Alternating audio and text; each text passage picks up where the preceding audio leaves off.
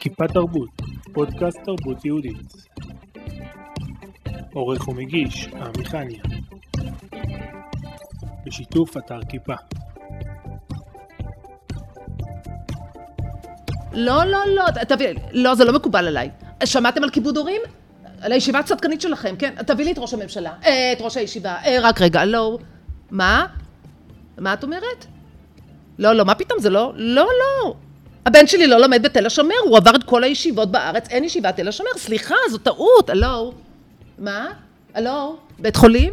ישיבה תיכונית? הלו, עם מי אני מדברת? מי זה? מה אתם אומרים? הלו? הלו? עוד לא סיימתי את גיל ההתבגרות, וכבר קפצה עליי הזקנה. שלום לפנינה פרנקל. אה, תתארי את עצמך. אני עבדתי 38 שנים במערכת החינוך, במגוון אה, תפקידים אה, משמעותיים. בעיקר מנהל, מרכזת מגמת קולנוע באולפנת להבה.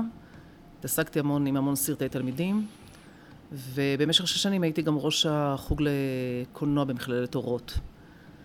פרשתי לפני שנתיים, בהמשך נדבר גם למה, וזהו, הגשמתי חלום. את החלום התחלתי להגשים כבר קצת קודם, תוך כדי העבודה שלי באולפנה, ועכשיו אני, יש לי שני מופעי יחיד, שאני עולה על הבמות, ומממשת חלום עתיק אה, לעלות על במה ולשחק. כמו שהתלמידות שלי אומרות, המורה, את היית גם שחקנית אצלנו, אז מה החידוש הגדול? אבל זה חידוש. אמרת שהיית בקולנוע, והחלום היה לעשות הצגות? אה, הייתי מורה, הייתי רכזת מגמת קולנוע, אה, שלא תטעה, אני שיחקתי בסרטים של התלמידות, לפי בקשתם כמובן, אם הייתה בקשה כזאת, והם דאגו שבדרך כלל זאת תהיה הקלפטה, או ה... זאת אומרת, איזשהו, הצליחו לסגור חשבונות גם תוך כדי, אבל השתתפתי בשמחה, כי אני פשוט אוהבת אה, לשחק, יש לי גם שני קטעים עם אנדרדוס, אה, אני גם לומדת ליצנות רפואית, אני מתעסקת עם כל מה שיש לי נגיעה למשחק, כי אני מרגישה שזה המקום שלי היום. בעצם זה מדיות שונות מבחינת המשחק, או שזה אותו משחק? זה שונה לגמרי. שחקנית תיאטרון ושחקנית קולנוע זה דרישות אחרות לגמרי, בהחלט. בתקופת הקורונה הרבה ביקשו ממני אה, לצלם את ההצגה שלי, חבל. אז הייתה לי הצגה אחת, געגועי לאתמול, שבטח מאוחר יותר נדבר עליה, ובואי תסריטי את זה, וככה התייעצתי אפילו איתך לדעתי. אבל לא, זה לא עובד. כשאתה מעביר את התיאטרון לסרט, זה כבר לא תיאטרון, זה סוג של קולנוע, אפילו שזו אותה עלילה ואותו הכל. גם הדרישות מהשחקן. שחקן בקולנוע צריך להיות איקס, uh, ושחקן תיאטרון צריך לשחק. שחקן בקולנוע הוא אבא, אז הוא צריך להיות אבא, לא כמו אבא ולא לשחק את אבא. Uh, זה מדיות שונות לחלוטין, אבל נתן לי, פתרון, נתן לי ביטוי למשחק ש, שאני חלמתי עליו. ואיך הגעת לתחום הזה?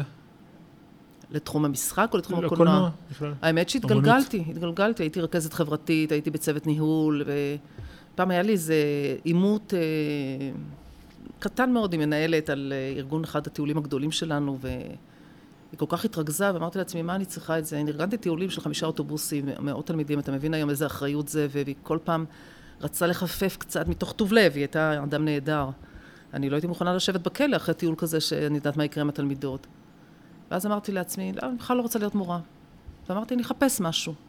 ואז פתאום קפץ, אני לא יודעת איפה שבבית ברל פתחו מסלול למורים מהמערכת להיות מורים לקולנוע.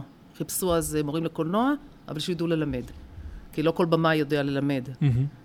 והלכתי, הלכתי לראיון. לפני כן לא היית בכלל בתחום האמנות?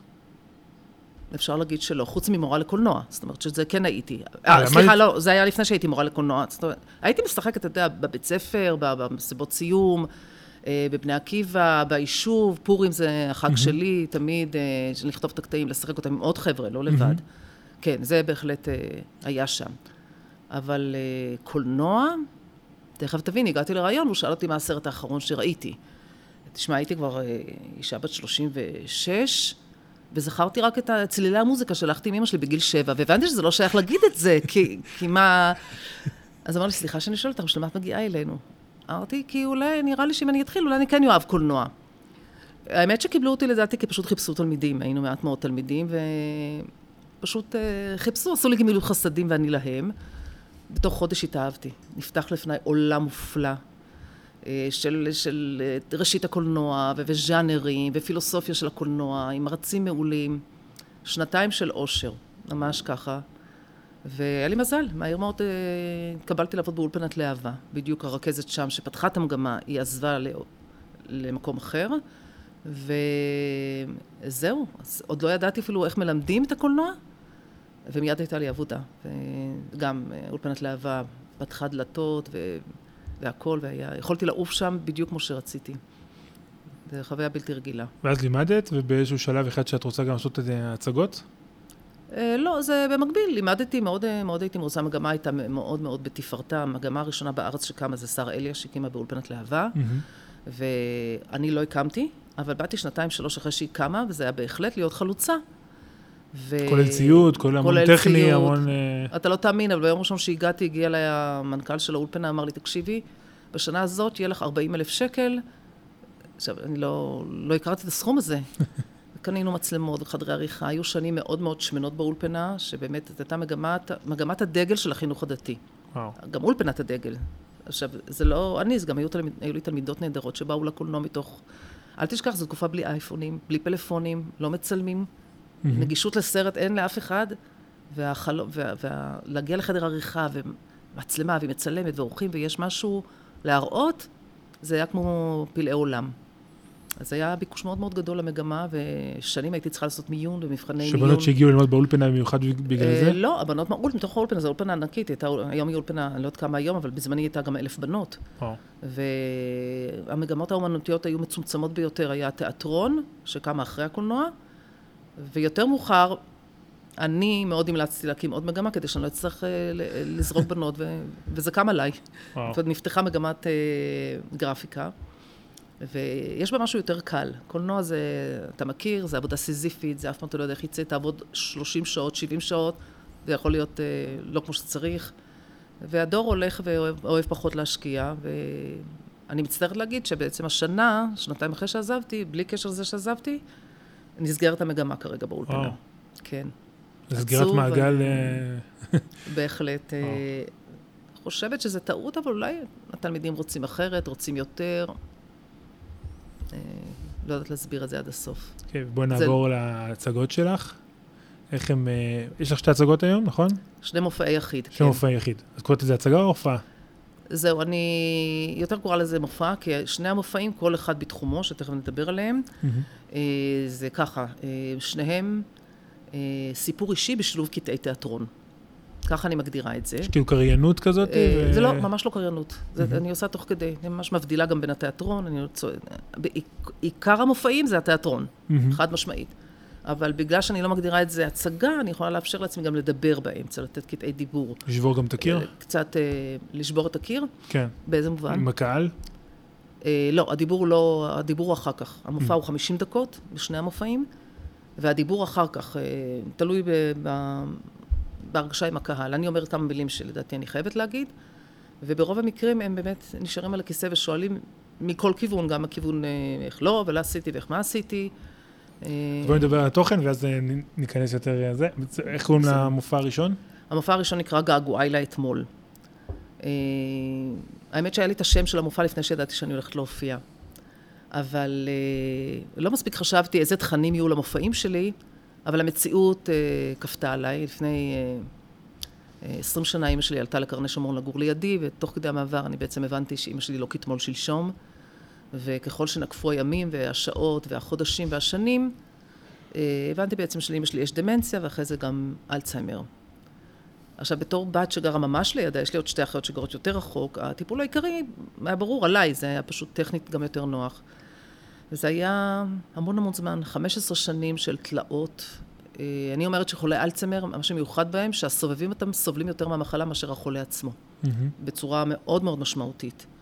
עכשיו זו מכת מדינה, זה, זה, פעם לא היו זקנים, פעם לא היו סבתות, והיום, ברוך השם, יש אריכות ימים, אבל uh, יש לזה מחירים. והאימא שלי גם לא הייתה אדם בריא, זאת אומרת, uh, כל מה שאני מספרת לך עכשיו זה אלצמר פלוס, זה בתי חולים, זה אף פעם לא יכולתי לקבוע משהו בלי להגיד, תראו, יכול להיות שאם שתצטרך אותי בבית חולים, אז אה, אני... אה, קביעה בדיר באללה כזאת, תדעו, זה יכול להשתנות. וכך זה היה, זה היו שנים מאוד מאוד קשות, הייתה גם מטפלת. הימים הראשונים היו קשים מנשוא, כי לא יכולתי לקבל את זה שהיא באלצהיימר. ולאט לאט הבנתי שאין לי ברירה, למדתי המון דברים תוך כדי. כשאימא נפטרה, בהתחלה חשבתי לעשות סרט. אחרי זה אמרתי, יש בזה לא נעים להראות את אימא שלך... לצלם אותה. לצלם אותה, ואת אימא שלך בזמן אמת, שהיא, אתה יודע, מאוד מאוד לא במיטבה, בוא נגיד כן. את זה בעדינות, זה לא נראה לי כיבוד הורים. ואז אמרתי לעצמי, יאללה, אני, אני אעשה מופע, אני, אני, אני אעשה הצגה. אבל תשמעי, לא למדתי משחק. אה, קראתי לדביר שרייבר. אה, אהבתי את הסגנון, הוא גם אדם מאוד צנוע ונחמד. ביים גם הצגה שלנו, אז מה? יצא לי גם לעבוד איתו, כן. כן, אז אתה מכיר על מה אני מדברת. אני, mm-hmm. זה הסוג האנשים שאני אוהבת לעבוד איתם. והתחלתי לספר לו את הסיפור על אימא שלי ואת הקטעים, ו... והוא התחיל לכתוב, ותיקנו, והוא כתב, ותיקנו. ואתה יודע, בהתחלה זה עוד לא היה לגמרי איך שהרגשתי שזה עוד לא. ואז הגיע יום מאוד אה, קריטי בחיי ובחיי אימי. אה, הגעתי למסקנה שאימא שלי, אני לא יכולה לטפל בה יותר בבית, וצריכים להעביר לבית אבות. להעביר אותו לבית אבות זה היה החלום בלהות שלי, זה כמעט לא הייתה אפשרות. ניסית לא... להימנע מזה עד אז? ו... להימנע, זה היה ברור שזה יהיה לא. אז השגתי לה מטפלת נהדרת, וטיפלנו בה, אבל זה היה גדול עלינו, זה היה להפוך את כל הבית לבית חולים. אל תשכח שתוך כדי אני מגדלת מתבגרים, תוך כדי אני עצמי איזשהו חיים יש לי, תוך כדי ותוך כדי. תוך כדי זה, אגב, בתחילת דרכה גם סבתא שלי הייתה אצלנו, זה אימא של אימא שלי, שהייתה... אז הבנתי כמה אימא שלי לא בסדר, סבתא שלי הייתה צלולה מאוד. היו ימים מאוד... 15 מאוד... שנה אמרת, נכון? אימא שלי הייתה חולה במצטבר 15 שנה, כן. אה, אימא שלי חזקה מאוד, אישה מאוד חזקה, מאוד אופטימית. שסיפרתי לבנות שלי, שאתם יודעים, סבתא, המון מחלות היו לה, אתם יודעים שזה לא רק אלצמר, או אימא, נו באמת, סבתא לא אישה חולה, כי אימא שלי אישה מאוד uh, שמחה ואופטימית.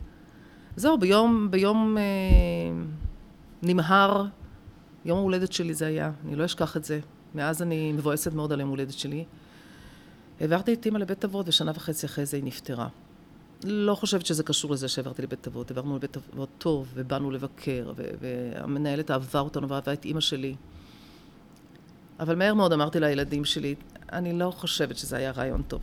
את סבתא לבית אבות, אה, אמא, אל תדאגי, נתח לא נביא אז לבית אבות. רציתי שהם יבינו שאני לא בטוחה שזה צד וואו. טוב, אז זה היה בלתי, בלתי נמנע. תקשיב, אני לא יודעת מה יהיה בעזרת השם.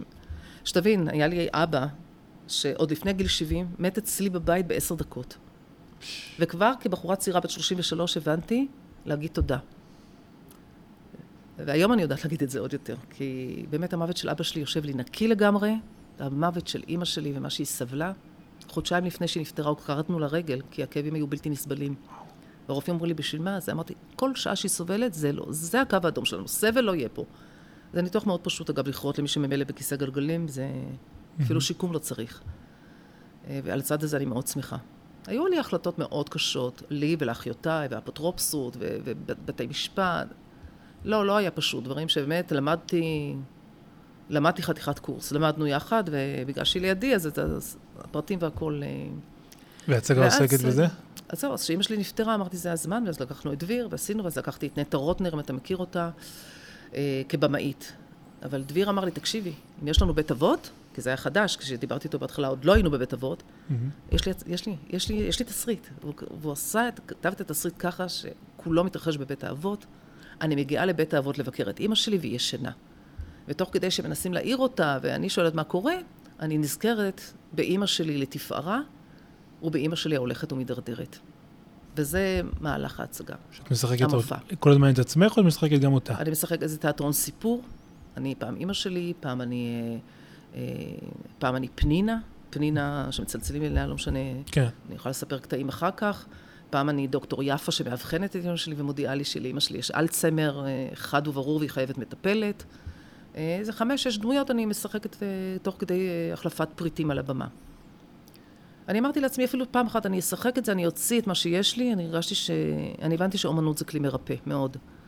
וזה מה שעשיתי, עליתי על הבמה, וכבר בפרמיירה התגובות היו כל כך נסערות וחדות, שהבנתי שאני לא הולכת לשום מקום, אני ממשיכה עם זה. תשמע, עד הקורונה היו לי 40 מופעים, 40, אה, כן. ואז קורונה הגיעה והשביתה את השמחה. אבל, אבל זה בעצם נושא שלפחות אני, מגילי, כן, וההורים שלי הצעירים, אנחנו מנסים לברוח ממנו, אנחנו מנסים לא, לא להתמודד איתו, לא להיות כאילו בתוך הדבר הזה. אז, אז איך אנשים הגיבו? זה אנשים שעברו את זה או אנשים ש... אז תתפלא, אני הבנתי גם כן, אמרתי, טוב, זה מתאים לבני 40, 50 ומעלה, שבטח ההורים שלהם חולים. אה, ואז אני לא יודעת שכמה צעירות הגיעו כן למופע, באיזשהו הקשר, ובסוף המופע הם ניגשו אליי ואמרו, תקשיבי, אמא שלי בריאה, בדיוק כמו שאתה אמרת. עכשיו אני מצלצלת אליה ואני קובעת איתה בבית קפה. אני מבינה שהורים זה פג תוקף. היא לא תהיה כל הזמן. Mm-hmm. גם אם היא תהיה, יכול להיות שיהיה לה גם את זה, ואני לא, לא מוותרת על אף יום, כי הרי ידוע, כולנו בני אדם, ואנחנו, כשההורים שלנו בריאים, אנחנו מבקרים אותם פחות, כי זה דרך החיים. ושהם uh, חולים או מתקשים, אנחנו, בעזרת השם, אני מקווה, מפנים את עצמנו והולכים הרבה ובאים. אני לא מספיק הייתי עם אמא שלי בבתי קפה, אני גם לא יודעת אם היא טיפוס של בית קפה, אבל היום כשאני יושבת בבית קפה, ואני רואה אישה בגילך ומעלה, לוקחת איתה לידה, מטופחת, אימא שלה בת ה-80 פלוס, והיא צועקת לאימא שלה מהמזנון של הרומא, אה, אימא, איך את אוהבת את הסלט? עם איזה, עם הטריאקי, עם השמן זית, לא זוכרת, תזכיר לי, אימא, והיא אומרת לה מה, ואחרי זה אומרת לה, ואיך את הגבינה, והיא אומרת לה, והן יושבות ואוכלות ומשוחחות, משוחחות, fair fight. יש שתי אפשרויות. או שאני פשוט יוצאת, כי אני לא יכולה להכיל את זה, וואו. או שאני מוחה דמעה או משהו כזה, או שאני ממש מסתכלת רק כדי... יצא פעם שפנית אליהם? יצא איזה פעם, שאלתי, אז זה אימא שלך וזה, והייתי אומרת איזה משפט, אבל לא כולם אוהבים שפונים אליהם. Mm-hmm. או שהן יוצאות, אני אומרת, אה, אל תוותרי על המפגשים האלה, אל ת... ואני לא יכולה להמשיך פשוט, כי, כי באמת אני כאילו מקנאה ברמות. שזה המסר העיקרי של ההצגה, לנצל את הזמן עם ההורים? אה, אני חושבת שהאמירה בזה זה גם, שהורים זה פג תוקף. קשר בין הורים לילדים זה דבר נורא נורא מורכב. אני עוסקת פה גם במופע השני מזווית אחרת. אה, אני חושבת שזה הנושא. אם תשאל אותי באופן כללי, אנשי חינוך וזה אומרים שהבעיה היא הילדים היום. אני סגורה זה שהבעיה עם ההורים. גם אני, אני נותנת לעצמי חשבון נפש, זה לא שאני פה מלמעלה אומרת, כולם לא בסדר ורק פנינה פרנקל, לא. לא, גם עם אמא שלי יכולתי יותר. אבל אה, תשמע, לטפל באימא, זה, זה מגביר בך את מידת החסד, את המידה של אה, חמלה. אני מאוד התפתחתי ש, ש, שהתמסרתי ככה לטיפול באימא. מאוד. וואו. מהצד העצמי שלך? מהצד העצמי שלי. וואו. הרגישות שלי, החמלה שלי, ה, ה, לראות את האחר ואת החולשה שלו ולא לכעוס על זה. בהתחלה אני הייתי כועסת על אימא שלי, איך היא לא זוכרת. ו... לא הבנתי. כל פעם הייתי מתקנת אותה. אמא, לא נכון, את לא היית בשם בשבת. לא, אמא, היום זה יום ראשון, זה לא שבת. היא כל הזמן רצתה הרי להדליק נרות שבת. זה מוכר. הקלאסיקה, כן. והגברים רוצים להניח תפילין ביום כיפור ובשבת. כזה, אה, כן. אה, ואז לאט, אה, אני יכולה להגיד בסוגריים שאחד הסרטים שראיתי בלימודים שלי, אה, הוא, הוא פקח את עיניי. זאת אומרת, זה סרט שיחות נפש, אולי אתה מכיר אותו אם אתה מתמצא בקולנוע, שאבא מאוד חולה בסרטן והאימא מבקשת מהבן שהיה בקשר קשה עם האבא, הוא צדק, היה אבא מאוד רע, והיא אומרת לו, בוא לבית חולים, תעזור לי. אומר, לא רוצה לראות את האבא הזה, לא מעניין אותי, אני לא בא. היא אומרת, תקשיב, תבוא בשבילי. ואז הוא בא, אדם עשיר מאוד, גם נרגן וכועס, מה הוא עושה פה בכלל? ואז איזה יום אחד משהו, הוא מתהפך. משמן את המערכת, נותן לאבא שלו קומה שלמה לבד, הולך לכל העבריינים לקחת מהם סמים קשים שאבא שלו לא יסבול רגע. Oh.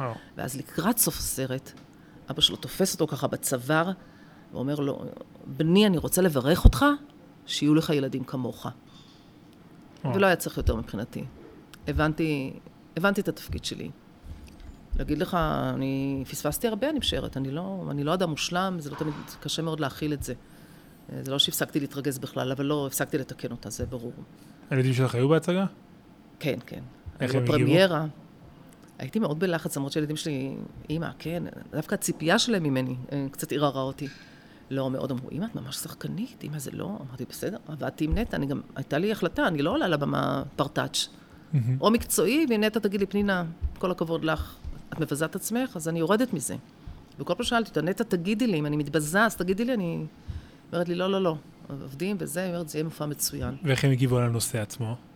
לכאורה זה גם אמירה אליהם.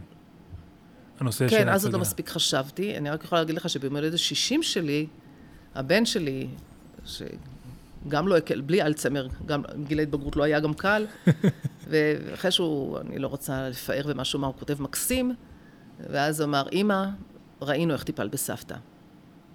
אני לא צריכה יותר מזה. עכשיו, אה. אני אז לא חשבתי שאני עושה את זה כדי שהם יראו, זה יצא לי בטבעי, כי לקחת לקופת חולים, לא תמיד יכולתי אפילו לחשוב, מאוד פעלתי. היה צריך, היה כל פעם איזה משהו.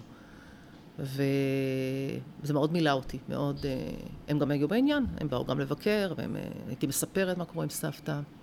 בהחלט, הם... אה, זה לא היה במנותק, ממש לא. ולאחרונה העלית הצגה חדשה? מופע חדש, סליחה? כן, אז אימא שלי נפטרה לפני ארבע שנים, והיה לי תמיד חלום גם, שזה היה לי חלום עוד לפני, אימא שלי, לא ידעתי שאימא שלי ככה תהיה יכולה, אה, לעשות מופע על מה שעברתי עם המתבגרים שלי, במיוחד עם הבנים, שהיו מתבגרים מאוד מורכבים. לפני 20-25 שנה, הם בהחלט היו... זה לא כמו היום שהמערכות קצת יותר משומנות, יש יותר אפשרויות, ולכל אחד יש איזו מציאה כזאת או אחרת בבית כמעט. אז זהו, אז גם לקחתי את דביר שרייבר לפני שלוש וחצי שנים. זה המופע חור בראש. המופע חור בראש. אימא נפטרה, הייתה לי איזה שנה כזאת ככה, אבל בסוף השנה הזאת אמרתי, יאללה, אני מתחיל, נתחיל עם המופע השני. בלי לעזוב את הראשון. אני עדיין שמחה שמזמינים אותי לגעגועי מאתמול, לאתמול, ואני מתחילה את העבודה על חור בראש. גם לקחתי וישבנו וכתבנו והבאתי לו קטעים והכל, ועוד פעם, עוד פעם אה, לא התחברתי לגמרי מה שיצא, הרגשתי שזה לא מדויק לי עוד. Mm-hmm. שמתי את זה בצד כמה חודשים, אמרתי, נראה. אבל אז מה שנקרא, חלה תפנית בעלילה. ו... כמה חודשים באמת אחרי שהנחתי את הטקסט על משכבו בשלום במגירה, התגלה לבני גידול אה, ממאיר במוחו. שהיינו בשוק, זה בא משום מקום, זה בא בהפתעה, זה... הוא היה בריא לגמרי, סיפור הזוי בפני עצמו. כמובן, אז לא היה לי זמן להתעסק עם המופע שלי, של המתבגרים. אה, והתגלגלנו למקום הכי טוב שיש, אבל עם כל המקום הכי טוב, והרופא הכי טוב, והתפקששה ביופסיה במוח שהיו צריכים לעשות, והיה לו שטף דם אדיר במוח. הילד שלי היה במצב אנוש, וכמו שאני אומרת במופע, הילד שלי בידי שמיים. אה, אבל הידיים הטובות של הרופאים. אה, בחודשים האלה, נכון? בסופו של דבר, אה, שנה מאימא בערך, זה, זה, זה הפסק זמן שלנו. זה בחודשים שכתבת הצגה? הנחתי את זה במגירה. וכשהיית בצד, אז זה קרה? כן, אז זה קרה, okay. אוקיי. ואז לא היה לי זמן להתעסק עם זה. ובימים שאני יושבת בטיפול נמרץ, כשבני שוכב שם מובס עם תחבושת על ראשו, אם אין מכשיר שלא מחובר אליו, כאשר לפני בהתחלה זה היה לפני כמה שעות, אחרי זה היה לפני כמה ימים. שרירי, כושר, צעיר, ענן, היה בן 28 אז. ולא, באמת היינו בהלם. ואז אני יושבת בטיפול נמרץ ימים ומדברת עם הרופאים ולאט לאט איתו ולאט לאט הוא בניסי ניסים הוא מתעורר ובניסי ניסים, הכל הוא עושה לא לפי הפרוטוקול, שום דבר לא לפי הפרוטוקול כמו שעשו לי בגילי בגרות, לא, שם זה היה רע, פה זה היה נפלא. פתאום הבנתי שאני עוברת משהו מאוד מאוד גדול. הבן שלי היה עם טיטול. הבן שלי היה טיטול, הוא התחיל כתינוק. ואז פתאום הבנתי שאולי גם אני מתחילה אימהות אחרת. הבן שלי תינוק מתחיל מההתחלה, ולי קורה משהו. והרגשתי שאני עוברת תהליך אימהות מאוד מאוד משמעותי בטיפול נמרץ. ועליו המופע, המופע נקרא חור בראש. חור קטן בשל ביופסיה, שאמרו לי שזה יהיה חור קטן וחצי שעה ולמחלקה. הפך לחתך כפתחו של אולם מאוזן לאוזן, ו... שעות בחדר ניתוח, ואחרי זה ימים וימים בבית חולים. ו... ואז הבנתי על מה המופע שלי. אבל הרגשתי שרק אני מבינה. ופשוט בקורונה גם דייקה אותי יותר ויותר, ועם ייעוץ אמנותי של נטע, אה, ישבתי, במיוחד בחודשים האחרונים, לקראת סוף הקורונה, שהבנתי שאולי יהיה מופעים, וסיימתי לכתוב ולדייק את המופע חור בראש, ולפני חודשיים התחלתי להעלות אותו. כתבת אותו לבד בעצם? אה, יש איזה סצנה או משהו, מישהו אולי דייק לי אותה יותר, אבל בגדול, אה, כן. הרעיון היה מגידול לגידול, זאת אומרת, גידול ילדים, גידול בראש. כשאני אסיים עם הגידולים, אני אכתוב את המופע שלי. וזה מאוד משחק על זה, על הגידול, זה להגדיל. דברים mm.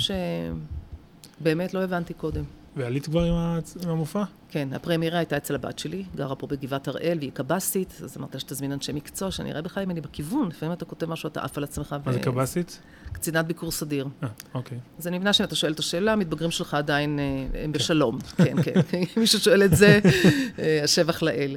שאם ימשיך לך ככה. היא הזמינה אנשי מקצוע וחברות, וכבר שם ראיתי שזה נוגע, שזה נוגע, ישבו שם בנות שלי אמרה, אמא, הן מוצפות, הן מוצפות, הן לא יכולות אפילו לדבר עכשיו. והם עשו לי איזה משוב, ואחרי זה הופעתי לפני קבוצה קטנה בנווה מנחם, ואחרי זה שתי הופעות גדולות בכפר סבא וגדולה ביישוב. וראיתי קודם דיברנו שהקהל יעד הוא ילדים, אולי הורים. מי, מי הקהל יעד פה? מי האנשים ש... בעיניי הקהל יעד הוא מאוד uh, נרחב. אני חשבתי שזה באמת צעירות, צעירות, זאת אומרת, אלה 45 אפילו, גיל 30, 25, שילמדו לפני שיעשו טעויות. זאת אומרת, שפתאום להעיר להם דברים ש... למה אולי לחסוך להם את הדרך. כי ההצגה מתעסקת הרבה בדברים שאת היית רוצה לתקן? אין ספק. אני אומרת בהצגה בפירוש, אני עברתי תיקון. אלוקים שלח לי הזדמנות לתיקון, ואני לא הולכת לפספס את זה. מה עוד שהייתי כבר, אתה יודע, לא הייתי בת 30. יאללה, למה לחכות? לתקן, ושם התחלתי תהליך התיקון, והמשכתי אותו ביתר שאת, אחרי זה גם בבית. אה, אבל אני מבינה שזה לאנשי חינוך, וגם חברים שלנו מהיישוב, שהם בני 60 פלוס אפילו, אה, היו במופע, והם נתנו פידבק מאוד חזק. שאלתי אותם, אתם בטוחים? וזה אומרים, זה היה מרתק, אפילו שאנחנו יודעים את הסוף, אנחנו יודעים את כל הסצנות, היינו שותפים איתכם במה שקרה. אה, והבנתי שיש לי, יש לי משהו מאוד משמעותי ביד. אני רואה בזה שליחות, כמו עם געגוע לאתמול. אתה יודע איזה, איזה, איזה מפגשים יש לי עם אנשים אחרי המופע? זה, זה מטורף, אנשים שופכים את מר ליבם. אחת כתבה לי, בזכותך המעבר של אימא שלי לבית אבות קל לי יותר. או כל מיני מילים שהבנתי ש, שיש לי תפקיד. פעם גם קראו לי לזה, כמובן שזה עשיתי בחינם, לאיזה מפגש של uh, נשים שמגדלות חמו, חם, חמות, הורים אצלם עם באלצהיימר או לא באלצהיימר, האלצהיימר הוא שולי פה. מגדלים אותם אצלם בבית עם הקשיים, עם הבן זוג, עם הילדים. זה נושא מאוד מאוד... Uh, היום יש המון זקנים, היום מעריכים לנו את השנים המון, וזה לא יהיה בעיה של פנינה פרנקל. יש היום המון, בכל העולם, המון המון המון חולים. בעצם את מתעסקת הרבה עם דורות, כאילו, דור לפני, דור אה, אחרי. כן, פתאום הבנתי ש... שזה ככה, במופע געגועילה אתמול, יש לי סצנה, ושזה דביר שרייבר הבריק שם, סצנה שאימא שלי בשיקום לב, אחרי זה ניתוח לב שהיא עשתה, ואני מקבלת טלפון, אני מקבלת טלפון מתל השומר, שאומרים לי שאימא שלי... בואי נעשה אותה. אה, נעשה אותה? בבקשה. הלו? כן, שלום. תל השומר? מה, מה קרה לאימא שלי? מה? אה, רק רגע, רק רגע, יש פה טלפון שני, רק שנייה, רק שנייה. הלו? מי? מהישיבה התיכונית? מה קרה לבן שלי? הכל בסדר? אה, כן? לא, ברוך השם, כן, רגע, אתה הפחדת אותי. אבל שנייה, אני לא יכולה לדבר, אני שנייה בקו השני. הלו? מה זאת אומרת? מה קרה לאימא שלי? מה זאת אומרת? היא לא מתפקדת. מה, מה, מה, מה, אה, שנייה, יש לי קו, שיחה בקו השני, סליחה. מה, מה אתה אומר? שמה?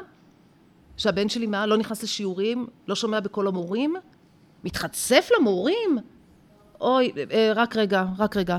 הלו, מה, מה זאת אומרת היא לא, היא לא ממושמעת? היא לא נכנסת לפעילות? היא לא מקשיבה למורים? לרופ... היא מתחצפת לרופאים? אוי, רגע, שנייה. אני לא מבינה, רגע, אז מה אתם מתכוונים לעשות? לא, אני לא מוכנה שתעבירו אותה לישיבה תיכונית אחרת, היא תחת אחריותכם, ואתם תתמודדו, סליחה. הלו? מה, מה את אומרת? מה זאת אומרת? לבן שלי אין בעיות לב, הוא לא בתל השומר, סליחה.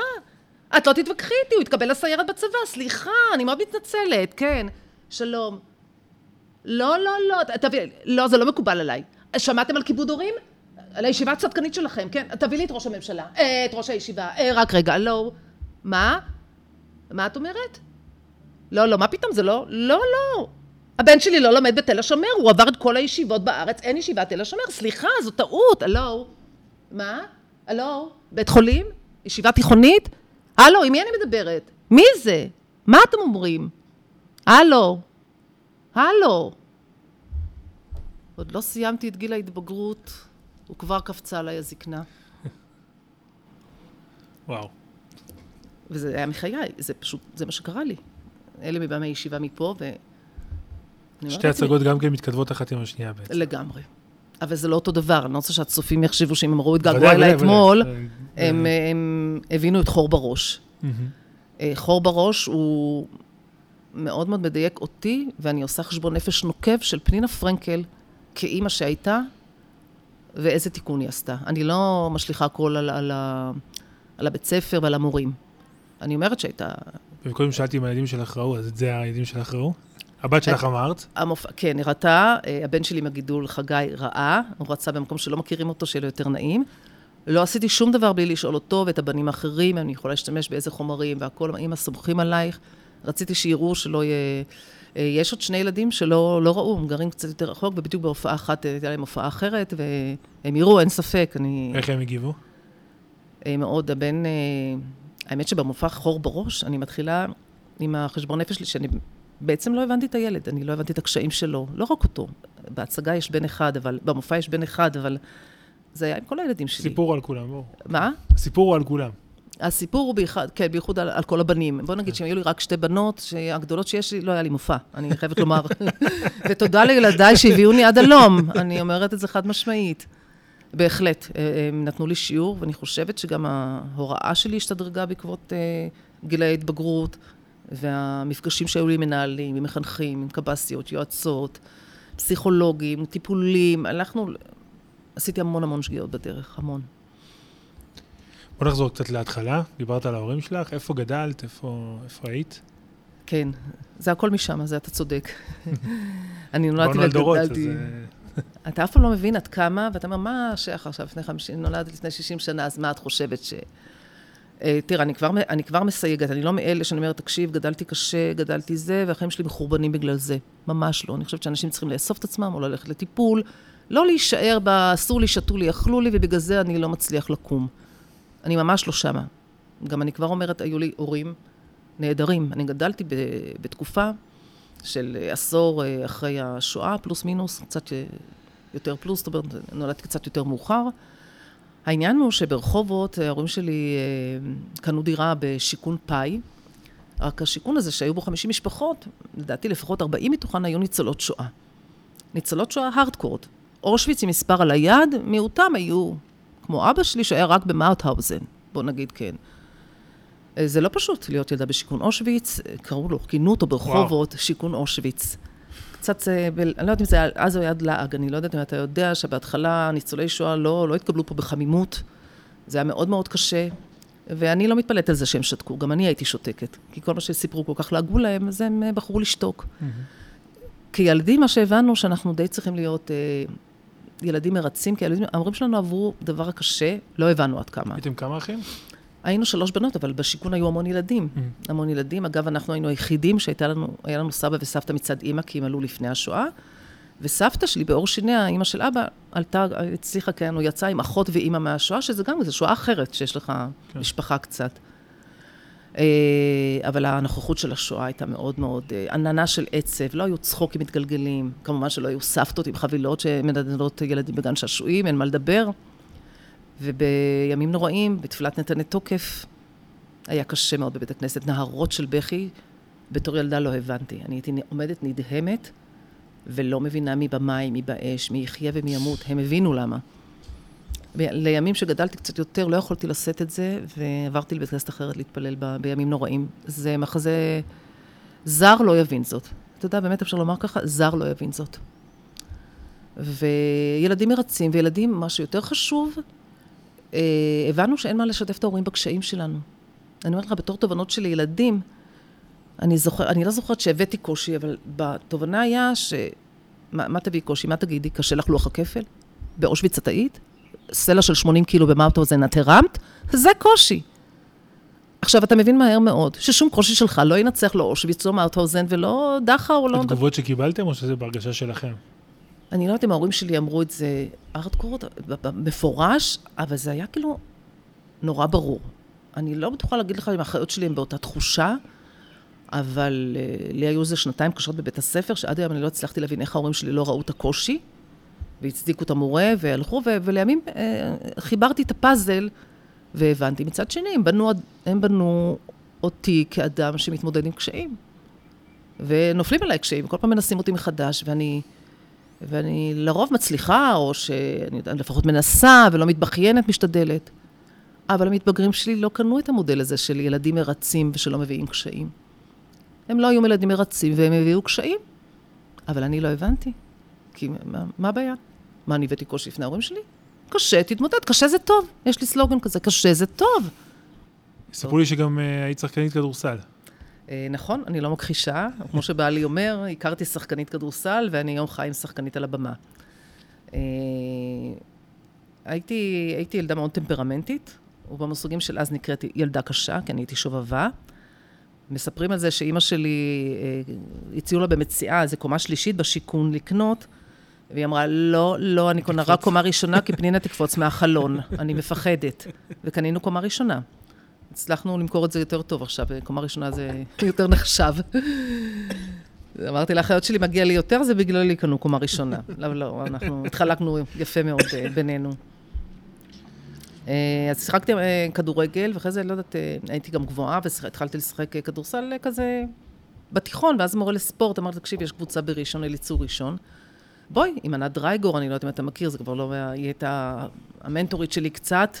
ענת דרייגור בתור שחקנית או בתור מאמנת?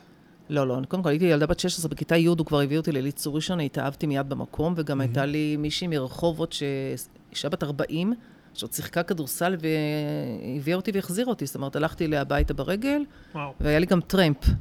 אז uh, מיד התחברתי, והבנתי שמתייחסים אליי מאוד בכבוד. היה לי מאמן, שאחרי זה הוא היה מאמן של מכבי תל אביב, אחרי זה באיגוד השופטים. הייתי בידיים מאוד מאוד טובות, ועבדתי מאוד מאוד קשה. אני רק אגיד לך שהדופק שלי היה 45. וואו. זאת אומרת, היה לי כושר מעולה. את כל המדרגות בראשון ירדנו ועלינו עם כדורי כוח. והיינו בליגה, בליגה, הייתי אומר, בצמרת ליגה ארצית. זה היה נסיעות, אה, לא היו מחוזי יותר, עוד, mm-hmm. ליגת נשים, ונסענו מעוטף עזה, שאז לא היה עוטף עזה, זה סתם היה נירים וכל האלה, ועד, אה, גם עד, לא צפון צפון, אבל אה, בהחלט זה ההתעסקות, עד שהתחתנתי. ממש עד שהתחתנתי, שיחקתי. היית מקצוענית? בגדול מקצוענית, אבל לא, לא מבחינת כסף. אה. זה לא הדבר היחיד שעשיתי. תוך כדי שירות לאומי באתי למשחקים, אחרי זה למדתי באוניברסיטה, אז אספו אותי מאוד מהאוניברסיטה, או שאני חתכתי באותו יום ונסעתי לאן שצריך. ובתור שחקנית דתייה. שחקנית דתייה, מעניין שזה... יש עכשיו מישהי שעשו עליה הרבה כותרות, אז את היית אה, הרבה לפני. נכון, אבל הייתי גם בנבחרת אליצור של ישראל, אבל לא היה לזה שום משמעות אחר כך. אה, כנראה בתקופה שלי היה פחות הזדמנות. לי היה ברור, במיוחד החשיבה הדתית, הדתיות שלי התגבשה בקבוצה, למרות שנקרא אליצור ראשון, הרוב המוחלט היו חילוניים. כן. אבל כל כך כיבדו, כל כך היה ברור שאחרי משחק שהולכים לאכול, רק אם יש מקום כשר, הולכים, לא, אחרת לא הולכים. אמרתי, תאכלו, אז אני, אני, אז זה בסדר. כל ערב גיבוש, היה ברור שזה כלים חד פעמיים וקונים בשביל פנינה, לא הייתי צריכה לדבר. הם הגדילו לעשות שהייתה הזדמנות ללכת למחנה אימונים בווינגייט בסוף שבוע, ואני לא הולכת. Mm-hmm. אמרו, אין דבר כזה, או כולם או אף אחד. אמרתי, אבל למה שלא תהנו? אני לא אלך, ולא, לא היה מחנה אימונים בווינגייט. והיה לי אישור מיוחד לשחק עם טרנינג ארוך. לא, לא רציתי מכנסיים קצרים. בליגה עצמה? בליגה עצמה. וואו. שופטים, ועם שרוולים, אבל אז אני חושבת שכולם שיחקו עם שרוולים. כן. והיה לנו אישור מיוחד מהאיגוד, אבל פעם אחת במשחק צמרת של קהל ואולם רועש, שופט uh, קיבל את הג'ננה ואמר, uh, זאתי במכנסיים לא עולה. אני בדרך כלל, ברוך השם, הייתי חמישייה ראשונה. אה, אה, הבנתי שאני טובה, אני מאוד שמחתי. עבדתי קשה בשביל זה, ומאוד פיתחו את הכישרון שלי שם. רבע שעה המשחק החל באיחור, והיו דיונים וזה, והקבוצה ידעה, הם לא באו אליי, פנינה אולי הפעם תלבשי קצר, זה לא היה שייך בכלל. ובסוף הוא התיר לי לשחק, עליתי עם מכנסיים אה, ארוכות. איך הסביבה שלך הגיבה? סביבה, אתה מתכוון... אה, הבית, החברים, אני לא יודעת, עד היום יש לי קצת... אה, לא, לא הייתי באולפנה, לא הייתי באולפנה, למדתי בתיכון דתי רחובות, לא היה עם זה שום בעיה. כן. היום אני מבינה שהיו שם גם הרבה חילונים שלמדו איתנו. והייתי, למדתי טוב מאוד גם ככה וגם ככה. אני באמת שואלת את עצמי איך הספקתי, זאת אומרת, פתאום כשאני מדברת על זה, זה היה פעמיים אימון. היום זה בטוח היה אישיו גם. היום, אז אולי זה פשוט היה טבעי, אני לא יודע. כאילו, אני לא בטוחה שזה היה טבעי, ברחובות עוד לא היה בכלל קבוצה שאפשר לחלום עליה. לא, ששחקנית דתייה משחקת בליגה... אה, שדתייה. אה, יכול להיות, גם לא היה כזאת תקשורת, אתה יודע, מה היה? זה כמה עיתונים היה, כמה... אני זוכרת שעוד לא היה טלוויזיה פה, כן? אבל זה לא היה ברמת היום שמסקרים כל... אה, כל דבר, אבל ברור לי שזה שאני החלטתי שאני דתייה, זה עצר, זה עצר אותי, וזה נשלמה עם זה לגמרי. ידעתי שאני לא אוכל להמשיך הלאה, אני לא אתחיל... אה, כי ידעת שאם את מתחתנת, את עוצרת את ה... לא רק מתחתנת, גם אם לא הייתי מתחתנת, אני לא חושבת שהייתי מתחילה לחלל שבתות ולשחק בשבתות, או בחגים, או בנסיעות, או... זה לא... ידעתי שזה לא, אבל uh, היו שש, שבע שנים מופלאות. בנו אותי גם. ואחרי זה הייתי שיחקת עם התלמידות שלי, ממש ככה. כן, ובכל הזדמנות, או בגיל... אתה יודע מה, לפני עשר שנים, בגיל חמישים, פתחו קבוצה בקרני שומרון. אחרי כמה שנים טובות שלא שיחקתי. בסדר, אני שוחה בבריכה שנים, אבל זה לא לרוץ. ואני זוכרת שהצטרפתי, היו בעיקר צעירות, בנות 16 שרצות כמו, אבל לא יודעות כדורסל, אבל רצות. הוא היה מבטל משחקים אם זה לא היה ביום שאני יכולה לבוא. וואו. עכשיו, העול הזה היה נורא קשה לי, אני גם לא הייתי כזאת טובה, אני פה לא רציתי אותו דבר, אבל... אה, באיזשהו שלב, זה היה תוך כדי טיפול באימא שלי, ומתבגרים, ופה ושם, וזה... אחרי זה המשכתי לכדורשת, שזה היה יותר uh, מתאים, שגם ריצה. היה, כן, אני ספורטאית בנפשי, אני מאוד אוהבת את זה. כי אז לימדת אה, אחרי זה, התחלת להיות מורה, נכון? לימדת בלהבה הרבה שנים, ואז עברת להוראה גבוהה אה, לא, עברתי, עשיתי את זה, זה בא לי מאוד מאוד בהפתעה. אני, אני התחלתי, לימדתי שנתיים בבית ספר יסודי, ואחרי זה לימדתי באולפנה של הרב בהרן, באולפנית הראל, אה, באולפנית באשדוד, ורק ב-20 שנים האחרונות התגלגלתי ללהבה. מה שאלת? על המעבר בין, אה, בין תיכון לבין אה, הוראה גבוהה, יש הבדל? אה, כן ולא. תלמידה שלי, תלמידה שלי מהקולנוע, שאימא שלה עבדה במכללת אורות, הם חיפשו שם לשקם, לנסות לשקם, להמשיך הלאה את, את הקולנוע שפתחו שם. אז היא אמרה לאמא שלה, תקשיבי, פנינה פרנקל, המורה שלי, ואז הם התקשרו אליי. עכשיו, לא היה לי אפילו MA, לא כל כך עניין אותי, אני למדתי המון המון המון השתלמויות בהמון נושאים, אבל ואיכשהו הם עשו, עברו על כל הכללים ולקחו אותי. עבדתי שם שש שנים, זה לא היה קל. עכשיו, מכללת אורות זה קצת אולפנה גם, בחלקים של ההתנהלות עם כן. הבנות, נותנים להם להנהיג וללדת וחופשות, וזה בסדר, זה הרעיון כנראה. Mm-hmm. זה פיתח בי המון יכולות אחרות, כי כראש חוג אתה מול הנשיא מתנהל, מול ה... אה, נו. דיקן. הדיקן של הבנות, בכל מיני... מאוד מאוד פיתח אותי, אבל הבנתי שזה לא הולך לשום מקום, ו... ויצאתי משם. באמת היום אין שם, נשאר רק המחול מבחינת. אומנות. בעצם הפכת משכירה לאורך כל החיים לעכשיו לעצמאית. צריכה לשווק את המופעים, את צריכה למכור אותם. איך, איך המעבר הזה? לעבוד על הצגה זה חלק הכיפי. נכון, נכון, אני רואה שאתה גם מבין את זה. כן. אה, קודם כל, בא לי שח... אה, עצמאי. זאת אומרת, המילה עצמאי בבית היא לא מפחידה. ואני יצאתי, צריכתי לקבל פנסיה. Mm-hmm.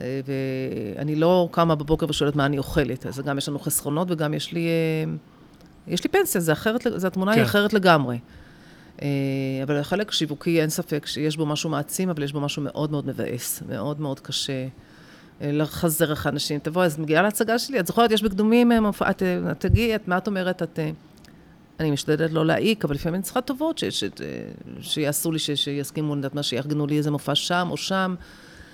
אני היום מתחילה להבין שאולי הטובות האלה זה לא, לא לטובתי, שאתה מביא קהל שלא יודע בדיוק למה הוא בא, והוא בא כאילו, אז אולי עדיף שלא, אבל... אה, אבל אני מבינה מהקבוצת אומנים שיש לנו, שכולם קורסים תחת הנטל הזה. זאת אומרת, נכון, זה... נכון, החלק המורכב יותר, אנחנו באים לעשות אומנות, ואנחנו צריכים להתעסק בשיווק ובמכירות ובחשבוניות ובכל ה... החשבוניות לא מפחידות אותי, זה נותנת לבעלי לעשות, הלוואי שיהיה לי הרבה חשבוניות, כמו שאמרתי לעצמי, אמרתי לאלוקים שאני אתמוטט מהופעות עכשיו, אחרי שנה הזאת של הקורונה.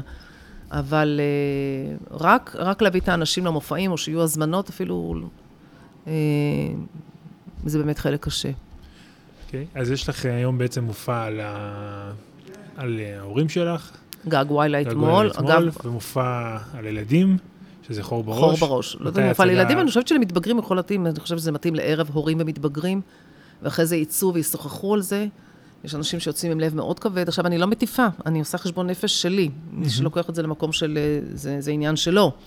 אבל אה, חשבון נקב, אה, נפש נוקב, על איך שהתנהלתי כאימא, איך לא הבנתי קשיים, איך לא התנהלתי עם קשיים נכון, איך אה, דיברתי לא נכון, באמת... אה... ומה המופע הבא? אז זהו, אני פעם חשבתי שאני אהיה סטנדאפיסטית, כי אני מצחיקה אנשים, אנשים אומרים לי שאני מצחיקה אותם. Mm-hmm. אבל אה, סטנדאפ זה גם לא פשוט, אבל כבר לא בא לי לבד. זה גם, אל תשכח שאני לא רק עצמאית, אני לא עובדת בתיאטרון עם עוד עשר שחקניות. אה... אני לא יודעת אם זה חלום, אבל אני עכשיו גם התחלתי לפנות לכל מיני כאלה שמצלמים פרסומות או דברים כאלה. אמרתי, יכול להתאים לי כזה, mm-hmm. פעם יום צילום פה, יום צילום שם, ככה בשביל, ששם אני לא צריכה לשווק. ייקחו, ייקחו, לא ייקחו, לא ייקחו, ואני פשוט אוהבת לשחק, אני אוהבת במה. אני, על הבמה, האושר שמבעבע בפנים, אני לא יכולה להשיג בשום, בשום מריחואנה ושתייה, ולא ישכנע אותי אף אחד. אין, זה פשוט... קשה לי לוותר, אז אחרי הייתי מוותרת, מה, מה אני צריכה? בעלי עוד עובד, יש לי זה, יש לי חסכונות, אני... בוא נגיד, יכולתי, אה, ואני לא רוצה לעזוב, אני גם מרגישה שאני מעבירה משהו נורא נורא חשוב. המופעים שלי מגיע להם גמול השתלמות, אני תמיד ככה בתחושה כזאת, שבאמת, הייתי חולמת שאנשים, אין לי שליטה על הקהל, אבל הייתי רוצה שילכו הביתה ויעשו את זה, ואם הצלתי כל מופע שלי בחור בראש, ילד אחד, אחד, אם יש יותר עוד יותר טוב, עשיתי את שלי. Mm-hmm. ובמובן אחר, גם אם געגועי לה אתמול, אם מישהו אה, מפויס יותר עם ההורים שלו.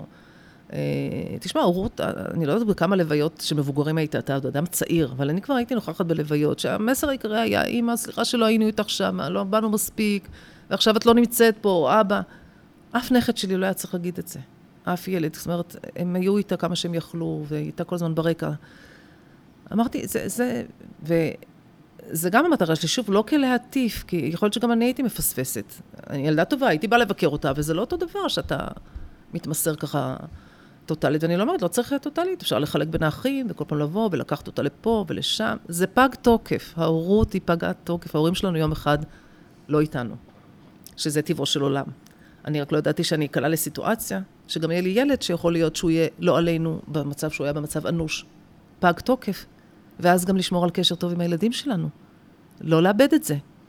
היום אני כל יום יודעת, אני אומרת לעצמי, אמנם הגידול בנסיגה, והילד שלי הוא עושה ספורט, והוא נראה בריא לחלוטין, והכול, אבל יש שם גידול, את הגידול לא מוצאים, הוא מושרש שם ברקמת המוח, זה סיכון מאוד גדול. וגם את זה אתה פתאום מבין, שגם הילדים, טבעו של עולם, טבעו של עולם שזה הפוך.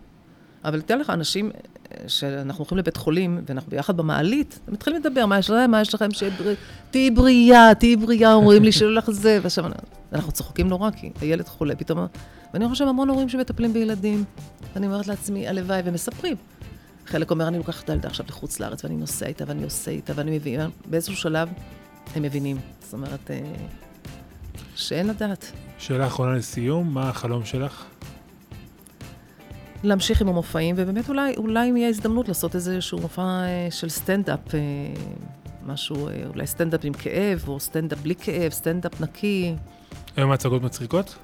יש נגיעות של חוש הומור, אבל אין ספק שהמופעים נוגעים בכאב. עכשיו, רוב האנשים, כואב להם חזק כי הם לא נוגעים בכאב, הם לא רוצים לגעת בכאב של עצמם, הם לא יכולים לגעת בכאב mm-hmm. שלי.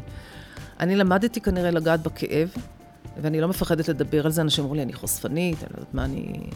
אה, אבל יש משהו נורא מקל בלגעת בכאב. אתה נוגע בו, וזה פחות מאיים. ו... אבל בכל זאת, אני, משתדלת שיהיו נגיעות של, אה, של צחוק. אבל אה, זה לא סטנדאפ שאחרי דקה אתה לא זוכר את הבדיחות שהיו וכל זה, אתה הולך עם איזה שיעורי בית הביתה. פנינה פרנקל, תודה רבה. תודה רבה על ההזדמנות. כיפה תרבות, פודקאסט תרבות יהודית. עורך ומגיש, עמי חניה. בשיתוף אתר כיפה.